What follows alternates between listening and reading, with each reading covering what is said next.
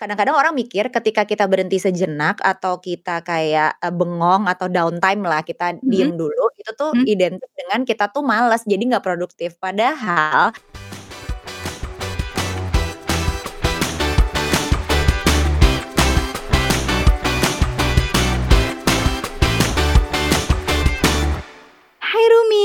episode kali ini Rumpi Mami berkolaborasi dengan Indika Foundation. Indika Foundation adalah lembaga yang berfokus pada edukasi, perdamaian, dan toleransi. Nah kali ini kita punya surprise yang berbeda nih. Rumis bisa review episode-episode Rumpi Mami di Instagram dan tag teman-teman Rumis serta tag at Rumpi Mami, at Aninda143, dan at Saskia. Oh iya, jangan lupa pakai hashtag Rumpi Mami juga, karena setiap akhir bulan kita bakalan pilih satu pemenang yang akan mendapatkan giveaway. Thank you Rumis dan Indika Foundation. Selamat mendengarkan. Hai Rumis. Rumis. Kembali lagi bersama aku dan Saskia. Hai. Mm-mm, jadi hari ini aku, kita tuh bakalan ngobrol-ngobrol tentang burnout. Tapi sebelumnya aku tuh pengen nanya dulu nih sama Saski nih, karena kayaknya nih Yap yap. 4 bulan terakhir ini kayaknya sibuk banget gitu kan kalau lihat di Instagram tuh dia lagi dia lagi yang live gitu. Terus kayak kayak gitu Sorry nanti lihat lagi di lihat lagi di IG eh ada Zoom, dia lagi dia lagi yang Zoom gitu. Nah, Sas, sebenarnya lo happy nggak sih kalau misalkan kesibukan lo belakangan hari ini tuh eh, mempengaruhi lo nggak gitu? Eee, berpengaruh sih berpengaruh ya gitu. Kalau happy sih in general happy karena, eee, mungkin gue harus bersyukur ya Nin, ada ada situasi di mana orang-orang pada saat ini tuh kerjaannya harus banyak adjustment. Bener.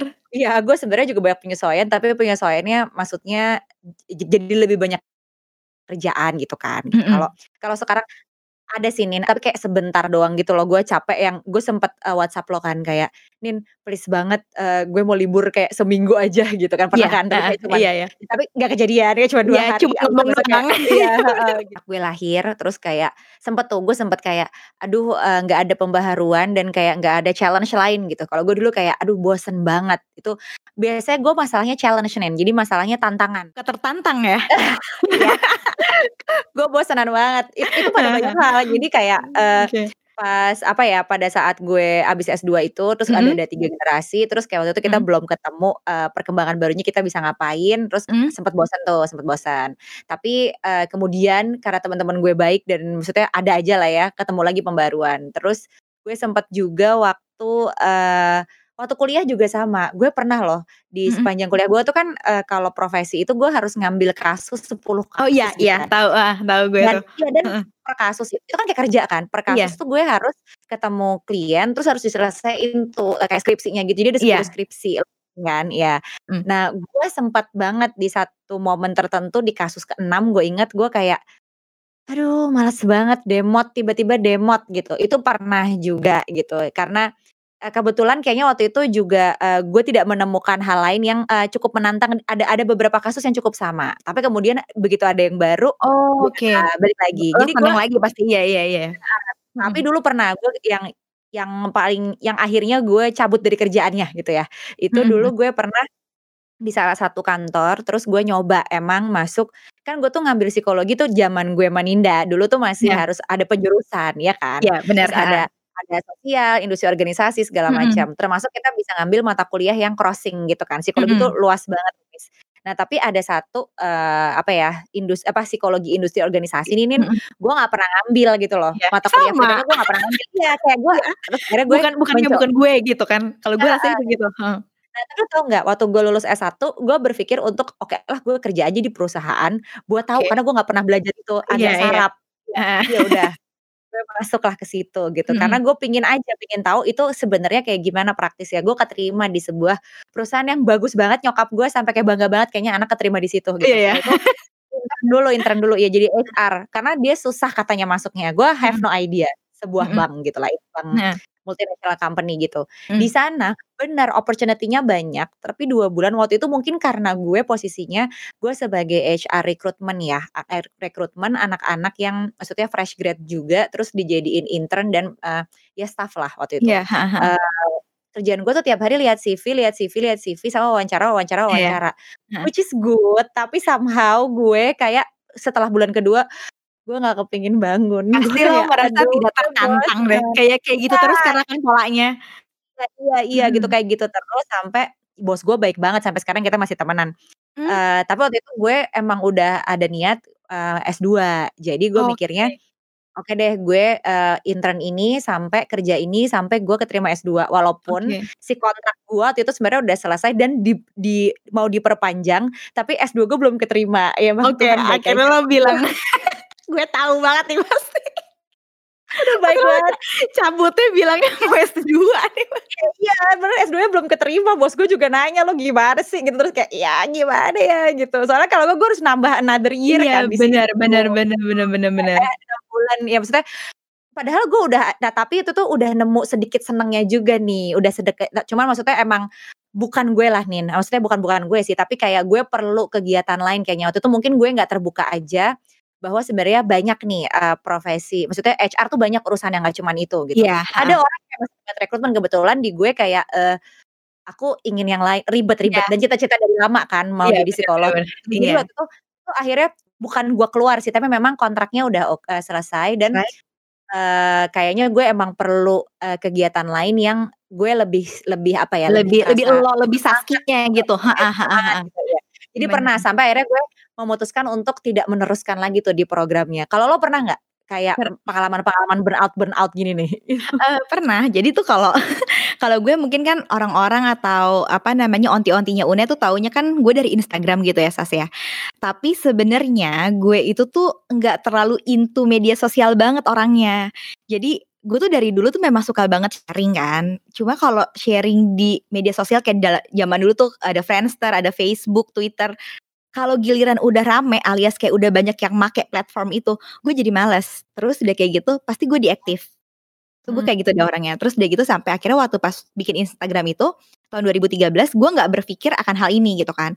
Nah, udah ke tahun 2018, 2017 akhir kayaknya setelah Ira lahir, itu tuh gue ngerasa Instagram tuh orang-orangnya tuh udah pada beda. Sama kayak waktu dulu gue ngerasa Facebook orangnya pada beda, Twitter orangnya kok pada beda ya gitu. Nah, akhirnya gue berpikir apa jangan-jangan gue harus cabut juga nih. Tapi gue mikir lagi, loh ini kan ladang rezeki gue ya.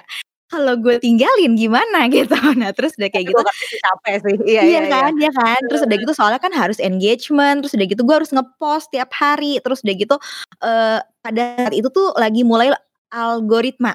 Nah, lagi mulai algoritma juga. Nah, jadi gue mikirnya kayak, wah ini tuh ribet banget ya dan ini tuh nggak main-main ternyata gitu, nggak cuman iseng-iseng nge-post terus kayak nge-post nge-post berhadiah gitu, nggak kayak gitu gitu. Nah, akhirnya Dulu kayak bisa dulu bisa, abis itu nggak Iya, bisa lagi. habis itu nggak bisa lagi berubah. Heeh. Ternyata Instagram lebih pinter daripada yang make. Daripada buahnya. Iya bener bener. Terus udah gitu akhirnya gue kayak, oke nih kayak gue butuh waktu mungkin untuk istirahat dulu. Akhirnya gue bilang ke onti-onti, bilang ke followers gue kalau gue mau detox dulu selama seminggu gue nggak pegang sama sekali. Tapi waktu itu gue nyari waktu yang di mana gue nggak ada campaign. Karena kalau misalkan gue ada campaign pasti kan gue harus balik lagi tuh ke Instagram walaupun cuman nge-post sekali doang. Dan gue tuh nggak mau sama sekali. Jadi gue nggak mau buka sama sekali. Makanya kayak gue nyari waktu yang nggak ada campaign-nya gitu. Ya udah pada saat itu gue bisa kayak nafas sebentar gitu sih keluar dulu gitu dari Instagram gitu. Dan Walaupun cuma seminggu. Instagram tuh mungkin nggak banyak yang ngeh ya Nin, bahwa kayak satu post itu sebenarnya urusannya lama banget ya kan. Wah. Kayak dari mulai eee, mungkin itu kali ya. Soalnya, eee, kadang-kadang itu juga ditanya gitu, eee, ya Heeh. gue kan juga nggak sebanyak lo, cuman maksudnya bahkan untuk gue ngeluarin kayak satu post aja itu prosesnya tuh banyak, Wah, apalagi hancur. zaman sekarang. Itu tuh Apalagi dan kalau itu bareng lama anak. kan. Bareng anak Iya coy. bener bener Itu tuh bener. Jadi tuh wah. effort-nya luar biasa. Bener bener Oke bener oke bener. oke oke. Nah, jadi Nah nih Rumis, kenapa kita bahas ini sebenarnya Sas. Jadi kemarin tuh ada yang nge-DM aku waktu ber beberapa minggu lalu lah. Dia tuh nanya, "Bu Ninda udah pernah bahas tentang burnout belum?" Gitu. Terus aku bilang, "Oh iya belum, coba deh aku terusin ke timnya Rumpi Mami," gitu. Nah, ini tuh ada ininya sih, ada teorinya gitu. Jadi burnout itu apa sih? Burnout itu adalah keadaan emosional, mental, fisik kita yang agak-agak berubah gitu ya, yang diakibatkan oleh stres yang berlanjut gitu. Dan ini tuh bukan short term, eee, stres gitu. Karena, eee, keulang lagi keulang lagi. Nah, hal-hal apa aja sih yang bisa mengakibatkan burnout itu sebenarnya ada macam-macam. Kalau yang aku baca itu ada yang kalau kita lelah ke berlebihan, jadi misalkan work workload-nya terlalu banyak ya, Sas. Terus udah kayak gitu, jadi ada lagi yang kedua misalkan kita tuh memandang pekerjaan kita tuh menjadi suatu hal yang negatif gitu. Mungkin bukan negatif pekerjaan yang negatif, tapi diri kita yang enggak fit in sama pekerjaan itu. Mungkin kayak aku kayak waktu itu sempat ngerasa Instagram, aduh kok aku capek banget ya mungkin jadi akhirnya melihat Instagram itu menjadi suatu hal yang negatif gitu padahal bukan berarti itu negatif ya kan. Terus sama mungkin yang ketiga adalah uh, ketika kita ngerasa kita kurang berprestasi di dalam pekerjaan tersebut. Jadi bisa jadi kalau menurut aku yang ini tuh kalau di aku ya itu tuh ngaruhnya ketika ada orang lain yang misalkan lebih banyak uh, likersnya atau misalkan lebih banyak oh, viewersnya yang kayak gitu loh. Okay. Uh, uh, uh, jadi kayak ngaruh hmm. di situ gitu. Gitu Tapi, sih. Uh, si burnout ini iya tuh emang, uh, karena gue juga sempat jadi burnout ini kalau Rumis mau tahu dia tuh sebenarnya uh, spesifik. Jadi ada yang uh, apa ya, job burnout kayak misalnya kalau hmm. kita ngomongin pekerjaan, bahkan parenting itu ada parenting Oh iya burnout. iya iya iya iya. Kuliahan juga ada ya nggak sih? Iya, jadi nah. biasanya kayak tadi Ninda bilang, itu tuh sebenarnya kayak efek dari stres berkepanjangan yang membuat kita tuh jadi nggak uh, bersemangat lagi, jadi merasa berjarak sama sesuatu yang kita kerjakan dan kita jadi ngerasa, uh, kepercayaan diri kita untuk bisa mengerjakan hal itu tuh menurun bener, gitu. Bener. Kita jadi nggak gitu hmm. karena itu, uh, biasanya sih kalau kita ngomongin burnout banyak kan tuh di area-area pekerjaan yang sering kali terdengar, tapi parental burnout tuh juga ada dan lain-lain juga ada dan kita bahas itu dong uh, kapan-kapan yuk. Iya, boleh uh. boleh banget. Nah, itu kelihatannya karena gini, biasanya kalau kita burnout di satu part nih, itu tuh, uh, di part lain tuh kita fine aja. Jadi misalnya kita uh, burnout-nya di masalah kerjaan, tapi ya pentingnya kemudian kayak uh, biasanya kalau burnout ini tuh uh, spesifik gitu. Jadi misalnya hmm. kita excel banget di kerjaan, tapi hmm. di parenting tuh kita burnout banget. Ya parenting yang jeblok gitu. Oke. Okay. Jadi dia atau di parenting oke okay banget, yang lain bisa, hmm. tapi di kerjaan doang nih gue bener-bener hmm. kayak uh, pusing banget gitu. Dan yang hmm. ditandai tadi kan Ninda udah bilang beberapa karakteristiknya ya dari mulai kayak ngel ngerasa lelah berlebihan. Ini kerasa waktu itu gue pas dua bulan pertama kerja yang pas gue di salah satu bank itu dua bulan pertama itu tuh gue kayak capek aja bawaannya gitu loh. Kayak aduh gue mesti ke kamu jalan kaki dari sana ke rumah? Padahal gue anaknya anak ini kan kelayapan banget gitu di iya, iya, iya. capek aja kayak bangun ngeluh mulu ya kan? Gitu. Sebenarnya nyampe kantor juga gue hai lagi tapi kayak ketemu teman-temannya ketemu bos gue. Gue juga sayang sama bos gue coba sama kerjaan gue kurang sayang aneh banget kan. Oh iya iya iya, iya Terus kayak nggak jelas, bosen, nggak ada challenge, terus kayak perasaan yang tadi nggak mampu, terus, uh, biasanya sih juga disertai self care kita tuh juga jadi buruk gitu loh, tidur, makan, olahraganya tuh juga Oh jadi ngaco ya, bener bener bener bener. Dan oh, gampang gue. Kalau gue kesenggol. Ke kayak apa? Gampang kesenggol? Iya, gampang ngambek gitu loh sama orang. Oh, iya iya iya. Iya, heeh, sama bener, kerjaan, bener. sama apanya. Nah Uh, kalau lo tadi apa? Sebelum gue lupa. Oh, kalau gue ini gatel-gatel, gue kan emang itu udah bawaan gue Sas, kalau gue Oh iya ada stres dikit itu pasti gue badan gue tuh wah gatel-gatel sebadan-badan gitu. Oh, wanita gatelan ya ternyata. Iya. Dibalas aku, wanita challenging. Oke, lanjut. Nah, tapi katanya gue baca baca waktu itu ini penelitian 2014-an ya, okay, okay. belum cek lagi. Hmm. Jadi burnout ini tuh juga tipenya beda nih. Okay. Ada yang overload tadi lo hmm. bilang. Overload tuh yang uh, karena banyak banget kerjaannya hmm. gitu. Ada yang under challenge kayak gue. Oh iya kayak, iya iya.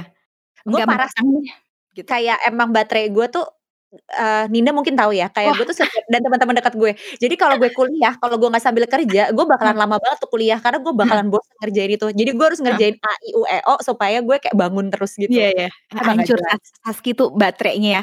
Aduh, gila, gue tuh pusing deh gue ngadepin dia. Jadi kalau gue bilang tiba-tiba guys, capek, capek-capek. Iya.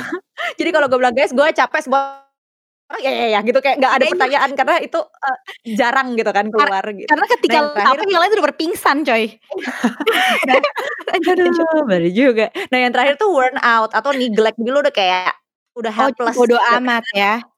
Lo ngerasa bener-bener gak bisa tunin di situ mm-hmm. gitu emang udah kayak ya coba jadi bisa bisa di beberapa part itu sih dan mm-hmm. memang ada beberapa tipe-tipe pekerjaan tuh yang kayak uh, lebih mudah ya buat kita burn out gitu. Itu ada juga sih yang kayak gitu-gitu gitu. Lo ada pengalaman lain gak atau lo ada teori lain, pembahasan lain gak terkait itu? Uh, waktu itu gue sempat ngobrol sama temen gue, dia dokter gigi. Terus dia bilang, dia dia dia, dia ngomong ke gue, "Nin lo tahu nggak pekerjaan yang gue dia dia dia tuh habis baca penelitian gitu lah. Terus dia bilang, "Nin lo tau gak sih pekerjaan yang paling bikin stres tuh apa di dunia ini?" gitu. Terus profesi profesi. Terus udah gitu gue bilang apaan gitu. Gue gue gue nebak-nebakan. Ini polisi apa apa segala macam gitu. Kata dia enggak enggak salah. Apaan? Dokter gigi kata dia. Lo kenapa dokter gigi? Gue bilang gitu kan. Iya dokter gigi kan dia tuh cuma ngadepin mulut orang doang gitu loh kayak uh, areanya dia tuh berpikir ngerti kalau cuma di area situ aja. Iya terus dapat juga kayak seriusan lo ngarang? Enggak beneran beneran. Ntar gue kasih linknya kata dia gitu. Dia mau ngasih link jurnalnya waktu itu.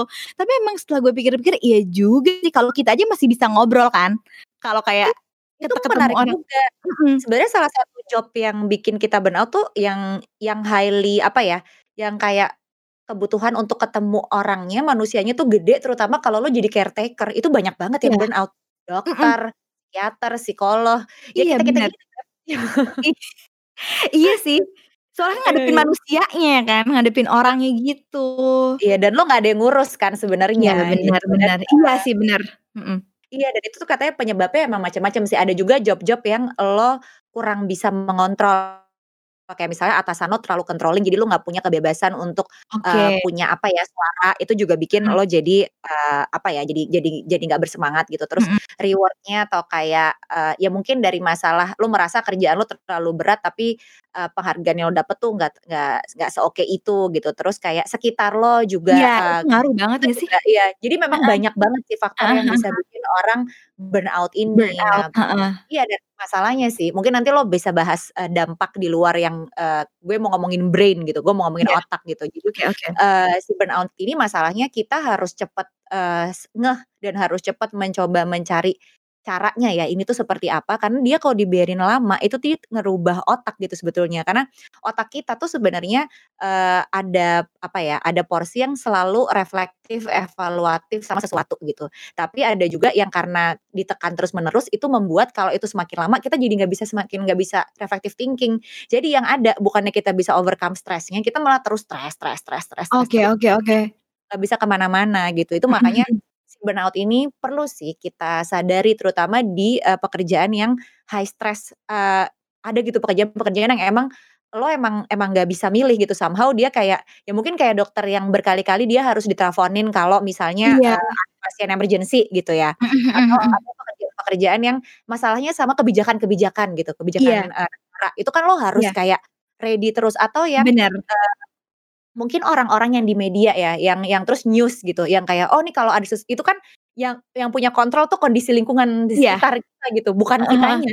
Jadi kan jadi kayak nggak punya hidup gitu, iya iya gitu, gitu. Jadi emang emang kita perlu banget sih ngeh kalau di masa itu karena emang kalau berkepanjangan dan kita nggak ngeh itu bener-bener ngerubah si struktur brain kita gitu. Itu okay. itu kalau dari yang gue sempat baca-baca dari area itu gitu. Kalau dampak lainnya ada ada yang lo tahu nggak nih? Uh, dampak lainnya itu mungkin kehubungan sama ini kali ya, sama relasi, sama keluarga gitu loh, Sas. Karena gue menemukan ada beberapa temen gue yang dia tuh, uh, burnout banget sama kerjaannya. Kalau itu ada juga yang burnout banget sama kuliahnya. Terus akhirnya efeknya tuh ke keluarga. Kayak misalkan, uh, sama orang tuanya waktu itu dia belum nikah, jadi sama orang tuanya tuh dia ngerasa kayak, apa ya, dia tuh jadi gak dia dia dia dia tuh bilang ke gue, "Nin, gue tuh jadi galak banget loh Nin sama nyokap gue, kalau nyokap gue nanya sedikit tentang kuliah gue aja tuh gue marah banget," gitu, dia bilang kayak gitu. Terus ada lagi kayak ada temen gue yang dia pengen cabut dari kerjaannya, tapi dia tahu nih, dia belum punya serapan pekerjaan lain gitu. Nah, nah akhirnya tuh dia tiap hari ngeluh mulu. Terus kalau kayak dan ngeluh itu gue kesian, maksudnya kayak gue juga nggak bisa bantu apa-apa dan dia juga tahu dia tuh dengan mengeluh dia juga nggak bisa bisa nggak bisa ngapa-ngapain gitu kan. Pokoknya dia bilang kayak anak gue tuh harus bayaran sekolah bla bla bla bla gitu. Jadi kayak gue tuh ngerasain banget dampak burnout itu banyak banget gitu. Nah, sebelum orang lain misalnya teman-teman Rumis ini mengalami dampak-dampak seperti itu, mungkin kita bisa ngasih tipsnya kali ya, Sas.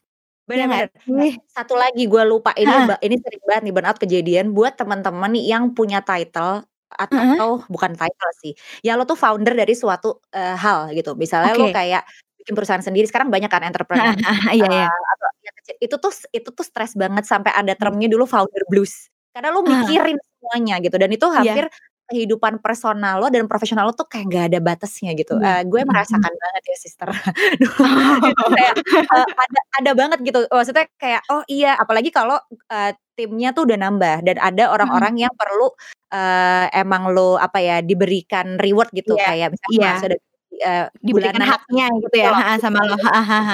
Kayak kayak aduh kalau gue kekerjaan yang terpokat gitu kayak banyak banget urusan iya iya iya iya iya iya iya bener bener uh, tadi setelah kita ngomongin mungkin ada beberapa ya Nin yang kita bisa uh, hmm. beberapa tips mungkin kalau uh, dari gue sih kalau dari gue hmm berdasarkan pengalaman dan berdasarkan Mhm. gue praktek biasanya, Mhm. mmm, itu gini, gue gue cek dulu sih, eee, klien ini dia lagi bosen kan kalau misalnya kayak gue sekarang lagi sibuk gitu, ya ada aja kan yang ada gue pengen berhenti dulu, tapi ternyata kayak 2 hari, eee, gue jadi kita perlu stop sebenarnya kalau Iya, kita lagi emosi banget kita stop dulu, coba Mhm. di-pause dulu, Mhm. eee, istirahat deh misalnya sehari atau ya kayak gue lah, gue kayak nggak bisa punya luxury seminggu gitu. Jadi Mmm. misalnya untuk saat ini ya gitu, jadi gue Mhm. kayak, oke gue sehari aja deh, at least gue sehari nonton Korea dulu, apa dulu, Mhm. kosongin gue downtime dulu Iya, gitu untuk kita nanti, eee, istirahatlah sejenak, eee, buat nge-recharge lagi. Karena kadang, eee, kita tuh suka terjebak mikir semakin lama kita kerja itu tuh semakin produktif gitu. Padahal, eee, itu kalau lo bekerja seminggu lebih dari 40 jam nih kata beberapa penelitian, itu sebenarnya produktivitas lo sama aja,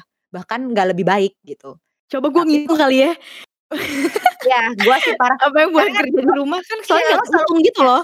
Benar benar, Heeh. dan kadang-kadang orang mikir ketika kita berhenti sejenak atau kita kayak, eee, bengong atau downtime lah, kita Mhm. diem dulu, itu tuh Mmm. identik dengan kita tuh malas, jadi nggak produktif. Padahal Mmm. otak kita itu nggak pernah berhenti gerak gitu. Kalau kita otak berhenti gerak sih, ya almarhum mungkin. Eee. Cuma maksudnya pada saat kita maksud gue otak tuh ketika diem dia tuh deket banget sama makanya kan ada momen-momen di mana ketika lo mandi atau buang air pas lo santai itu kreativitas lo tuh Wah, itu Biasanya dia yang kemarin. Iya kan, gue tuh sering banget, biasanya habis apa kayak, "Gue baru kepikiran nih pas mandi," gitu. Si otak lo tuh, eee, kayak lagi dibikin apa ya, dibikin slow, terus lo jadi Mhm. lebih rileks. Nah, otak Mhm. tuh ketika kita lebih rileks, dia deket juga dengan kreativitas, jadi bisa bener mikir bener next-nya bener. apa. Jadi lo Oke. stop dulu, gue saranin stop dulu, cari Mhm. waktu istirahat. Istirahat tuh tidak berarti kita tidak produktif gitu, bahwa Mhm. istirahat tuh bagian dari produktivitas. Kemudian Mhm. kita, eee, observe dulu nih kondisinya Mhm. sebenarnya apa, masih pekerjaannya tuh masih cukup inline dengan hal yang mau lo kerjain nggak. Bisa aja, eee, 1 tahun lalu inline gitu, maksudnya sa eee, se searah ya sama kita mau ngapain. Tapi bisa aja misalnya kayak gue, waktu gue jadi HR tuh tujuan gue cuman, oke gue mau memperlebar network, gue mau, eee, mencoba hal lain yang gue nggak pernah rasakan yaitu kerja di company. Kalau gue nggak Mhm. mulai sekarang, kayaknya nggak akan pernah lagi Iya karena gue nanti iya. harus masuk klinik gitu. Dan Bener. manfaatnya banyak sekali, gue kerja 6 bulan, begitu gue masuk area klinik, gue udah lebih gampang ngomong sama orang yang lebih dewasa. Oke, Karena iya kan bener. klien Lo gue terbiasa lah ya. iya, klien gue semua orang dewasa gitu dan kayak, eee, udah pada punya anak. Terus waktu itu lo tau kan bentuk gue tuh tidak tumbuh gitu kan, jadi Iya. gue harus nah tapi gue terlatih banget di bank tersebut, gue ngomong sama orang dewasa. Terus kayak ada lah orang-orang yang some at cer certain points tuh itu menyebalkan, tapi gue harus bisa Iya, lo overcome harus tahu, bener Iya. bener. Itu tuh kayak Heeh. sih, skill yang harus lo punya sebenarnya ya nggak sih? Kalau misalkan kerja tuh sebenarnya itu tuh yang diasah tuh, Iya yang kayak bener gitu. Gue melihatnya bukan sebagai gue misalnya mempertajam expertise gue, enggak, tapi sebagai tambahan pengetahuan lain secara Mhm. batin yang Mhm. bisa gue kumpulin dan mungkin pada saat itu gue mikir 6 bulan cukup nih, Cukup, karena gue juga harus masuk S2. Iya Nah, jadi iya. Bukan berarti ketika gue keluar atau nggak melanjutkan tuh ada sebuah kegagalan di situ, bisa jadi ya memang gue harus ganti lagi. Apalagi zaman sekarang ya, Nin, kayak, Mhm. eee, kita tadinya mikir apa, tiba-tiba kita, ba baru bergerak ke mana. Jadi setelah Mhm. kita stop, kita, eee, udah udah santai, kita observasi dulu sebenarnya kejadiannya nih apa sih yang bikin kita capek, terus kita kenali kita perasaan-perasaannya apa aja, baru kita ingat lagi tujuan kita tuh apa. Nah, nanti tujuan kita harus bahas di podcast, eee, episode lain lagi karena ini panjang kalau nentuin tujuan. Oke oke, Nah, tujuan.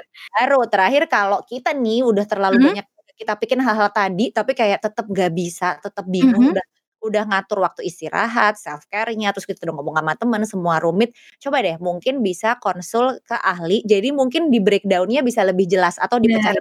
Kadang-kadang ada pertanyaan-pertanyaan yang temen-temen tuh, eee, kurang bisa mengakomodir. Biasanya tugas gue sebagai psikolog tuh ya bertanya juga, tapi gue biasanya udah lebih terbiasa, gue harus bertanya apa, jadi orang mesti merenung apa, baru Oke. kita sama-sama cari jawabannya. Oh, on it berarti, eee, memang bener ada beberapa kerjaan kalau kita tuh apa ya, soalnya biasanya suka ditanya, "Enak ya, Kak, Mhm. kerja sesuai passion?" Ya itu mungkin enaknya tuh setelah sekian, eee, lama gitu, itu juga belum heeh. enak banget gitu kayak.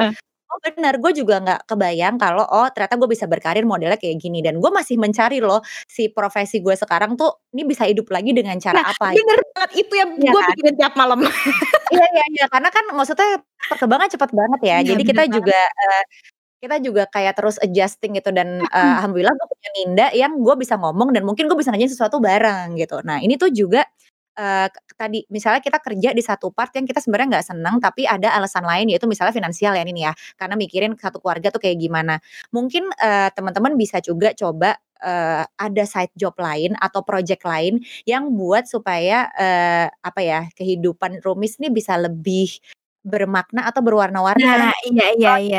ya karena susah juga harus dicari tuh gantinya supaya kita balance. Jadi ibarat kata, oke di kantor nih gue ngerjain sesuatu yang, ya ini emang harus gue kerjain, gue kerjain dengan baik aja, tapi daripada gue rungsing, gue punya mainan lain nih yang, Nah. eee, itu bisa. Karena itu yang kejadian di gue sebenarnya waktu kuliah, gue sambil, eee, ngerjain apa, habis itu pas lulus kuliah gue sambil ngerjain apa, tapi gue kerja di de kerja di perusahaan yang lain, kemudian kayak gue taruh di situ gitu loh. Itu jadi Oh, iya kayak, iya. eee, ya itulah ya karena gue nggak bisa diem gitu, Kayak karena itu hiburan aja. Iya bener bener bener, heeh. kayak dulu juga waktu pas gue kuliah kan akhirnya gue memutuskan buat apa, eee, magang jadi guru daycare tuh mungkin salah satunya tuh itu sih. Karena kayak, ya udah kuliah rutinitasnya gini aja, apa sih yang baru lagi, oh ya udah okelah gue ikutan, eee, ngajar gitu.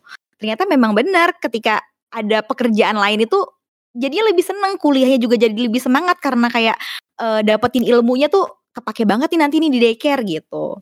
Apalagi kalau Gitu masih sih. single itu saatnya lo, eee, ketemu exploring ya, iya bener gua banget. uh, ya kan. Kalau sekarang, eee, ya harus disesuaikan lagi gitu karena Iya, maksudnya ada yang diurus di rumah. Jadi ya nggak bisa kalau dulu gue bisa punya 3 sampai 4 kegiatan lain, Mmm, sekarang ya 2 sampai 3 ajalah. Jadi yang satu tuh gue ada waktu lebih banyak. Jadi sesuaikan masing-masing. Jadi kalau saran gue dan Ninda sekali lagi, Mhm. pertama kalau kita jeblok ya atau Mhm. burnout, stop dulu, Stop kita dulu, observasi mhm. situasinya, kita lihat Mhm. perasaan kita apa, terus kira-kira masih sama nggak sama tujuan kita. Tujuan tuh bisa macam-macam, bisa yang Mhm. lebih kita banget passion tadi atau mungkin yang sekedar tujuan, oke nih ini supaya dapurnya ngebul atau lain Iya, sebagainya, bener. itu juga ada. Jadi, Mhm. eee, dipikirin lagi, nah kemudian Mhm. baru kita cari, eee, gimana ya caranya supaya bisa lebih berimbang atau bisa lebih semangat nih gitu. Mhm. Nah kalau semuanya masih bingung, terus masih masih berat, oh istirahat jangan lupa Iya, istirahat, eee self-care tadi ya. self-care lah, at Heeh. atur diri segala macam. Nah kalau semua dilakukan tapi kita masih pusing terus, ya mungkin saatnya ke profesional. Nanti mungkin di situ baru tahu, oke kalaupun ke profesional tuh juga nggak yang, ya udah kayaknya lo penting nih untuk keluar dari kerjaan lo, nggak Iya gitu juga banget, gitu. itu juga. Iya, oke kalau lo mau keluar kita harus punya strategi, ya kan. Iya Misalnya iya. sebenarnya maksudnya apa, kita daftar dulu di mana, itu kan kita bisa ngobrol. Kadang-kadang ada pun kadang-kadang beberapa orang minta kayak semacam tes buat karir gitu loh, Nin. Mhm. Ini gue lebih pas mana ya, apalagi sekarang kan berubah-ubah gitu. Oh Jadi iya, bener bener bener. itu sih. Terakhir menurut gue ini penting banget sih, kita Apa? perluas perluas network. Jadi kita main sama banyak Bener. orang biar kebuka juga kepalanya Mhm. opportunity apa yang kita bisa ambil gitu. Karena mhm. kalau kita di situ-situ aja tentu pasti kita bosen ya, nggak nggak nemu hal-hal lain yang bisa kita kembangkan gitu. Sama oh ini Nin, sebenarnya kalau kalau ini loh, kita kan, eee, kalau ada temen nih yang kira-kira burnout, heeh. terus dia curhat sama kita, Heeh. orang burnout tuh kan kadang-kadang nyebelin ya, ceritanya Oh iya sama iya iya iya iya iya, dan diulang-ulang coy, Iya iya, itu tuh lagi. kira-kira? Aduh kalau gue biasanya sih, gue nggak memberikan saran, gue pernah soalnya. Gue nggak memberikan saran yang kayak, "Lo harus begini, lo harus begitu," karena itu kan kondisinya dia dan mungkin kondisi gue nggak bisa masuk gitu loh ke dia gitu kan. Kayak mungkin cara cara pikir kita berbeda. Nah akhirnya kayaknya biasanya sih gue suka suka jadi ini lagi tuh kayak kemarin, eee, IG live kita. Jadi ketika apa yang di dia ngomong, gue ulangin Ya. lagi omongannya. Nah itu Biasanya sih teman-teman itu tuh. Jadi kalau mau misalnya, apa ya, menghadapi teman yang seperti itu, bisa cek ke IG live kita di Rumpi Mami ya. Nah, Heeh. cantik kan? Un untuk tahu gimana sih caranya kita, eee, merespon seorang tuh kalau dalam situasi yang perlu dibantu gitu, supaya bisa lebih memang kerasa bantuannya. Jadi emang. Sulit ya hidup ini kayak bahkan ketika lo burnout aja lo tetap perlu mikir, mikir terus gitu, di Iya, bener dipikir-pikir bener. lagi, berpikir kritis terus gitu. Terus udah gitu Iya. di saat yang bersamaan lo harus berempati pada keluarga lo, berempati Iya pada bener. lo, iya kan, dan kemudi jadi kayak banyak banget yang diurusin, tapi nggak apa-apa kita semua bersama dalam hal ini, gitu. Oke. Ada kamu Nin? Udah kayaknya bentar lagi banyak yang curhat nih sama lo nih tentang ini. Eee, ya langsung aja DM ya ke Saskia. Oke, Boleh boleh. kalau gitu jadi jangan lupa nih Rumis, nanti kan kita tadi tuh di awal pasti kan udah di udah denger ya, kalau misalkan nanti ada giveaway-giveaway dan makanya ikutan karena, eee, apa namanya, hadiahnya tuh seru. dari kita. Ya kan Sas ya? Iya. Dan apalagi ya udah kali ya itu aja ya. Sampai ketemu ya sampai di ketemu di episode episode berikutnya. Bye-bye. Bye, Miss.